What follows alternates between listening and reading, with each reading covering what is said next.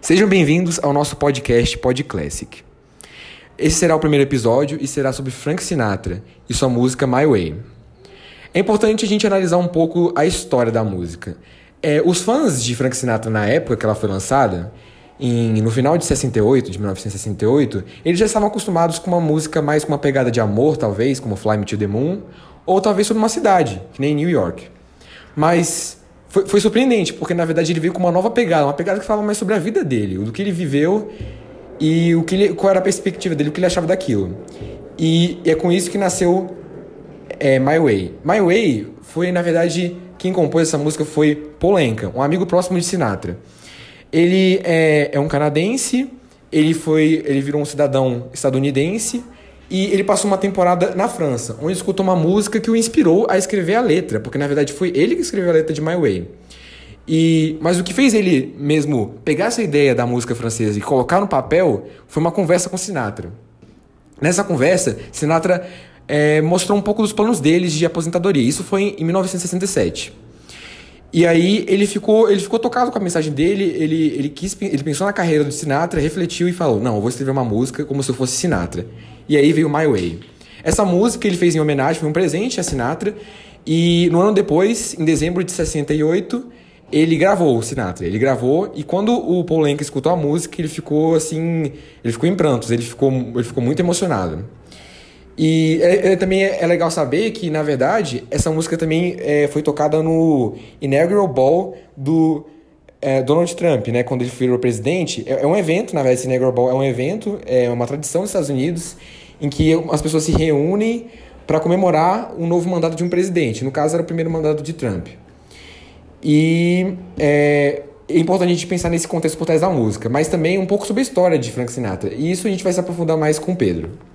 Bom, a gente, a gente aprecia, eu aprecio e me intriga no Frank Sinatra não somente as músicas dele que são muito belas, mas também a, a toda a sua carreira, porque ele batalhou muito para chegar onde chegou. Ele começou ao lado de alguns amigos. Ele formou um grupo amador que venceu em 1935 uma competição de rádio, Major Bowers Amateur Hour. Mesmo depois de, de o grupo ser desfeito, Frank continuou cantando com outras bandas e ou sozinho, sobretudo em rádios. Em 1939, acabou por ser descoberta em Nova Jersey pelo trompetista Harry James e foi convidado para formar uma nova banda. No ano a seguir, a carreira de Frank descolou decolou, mas antes disso o artista trabalhou como garçom e cantor em um restaurante local. Gradualmente a carreira de Frank foi progredindo, especialmente porque o cantor soube tomar boas decisões profissionalmente e garantir enorme visibilidade. Entre 1942 e 1945, 1955, por exemplo, Sinatra foi destaque nos programas de rádio, que vinham alcançando uma emissão cada vez maior. E hoje em dia, ele não somente tem belas músicas e alcançou vários objetivos e títulos, mas também é reconhecido como um dos maiores maiores cantores norte-americanos de toda a história. Agora, a gente vai fazer só uma reflexãozinha bíblica com o Luca. Então, Frank Sinatra apenas chegou nesse nível em sua carreira, pois, como diz a própria música My Way, ele fez as coisas do seu próprio jeito, ou seja, ele tomou suas decisões sem se amoldar aos padrões da sociedade. E por, essa, por isso, Frank Sinatra se tornou uma lenda na música que até hoje é muito lembrada e suas músicas são ouvidas direto, como foi no caso da reunião para a celebração do mandato de Trump. Sinatra continua sendo um cantor muito em que as pessoas muito se inspiram também pela mensagem que portava suas músicas, como a My Way, que fala da, do distanciamento, daquela vontade de se de seguir os padrões da sociedade e da e da confiança e coragem em si mesmo para atingir os seus desejos.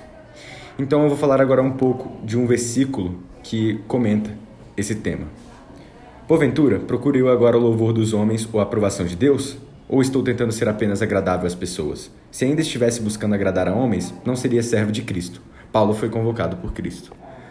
Ou seja, não tente agradar as pessoas e sim foque em si mesmo e tenha coragem e confiança nos seus ideais e valores que você chegará tão longe quanto foi Sinatra. Então, eu, Nathan, achei essa música muito boa. My Way é muito bem produzida e que ainda se encaixa perfeitamente nos assuntos que a gente estudou e vem estudado, pois, como vocês podem perceber, existem muitas semelhanças com o arcadismo. Por, por exemplo, a linguagem simples e objetiva. Se percebe que na letra não tem rimas complexas, palavras complexas, como era se admirado no, no barroco.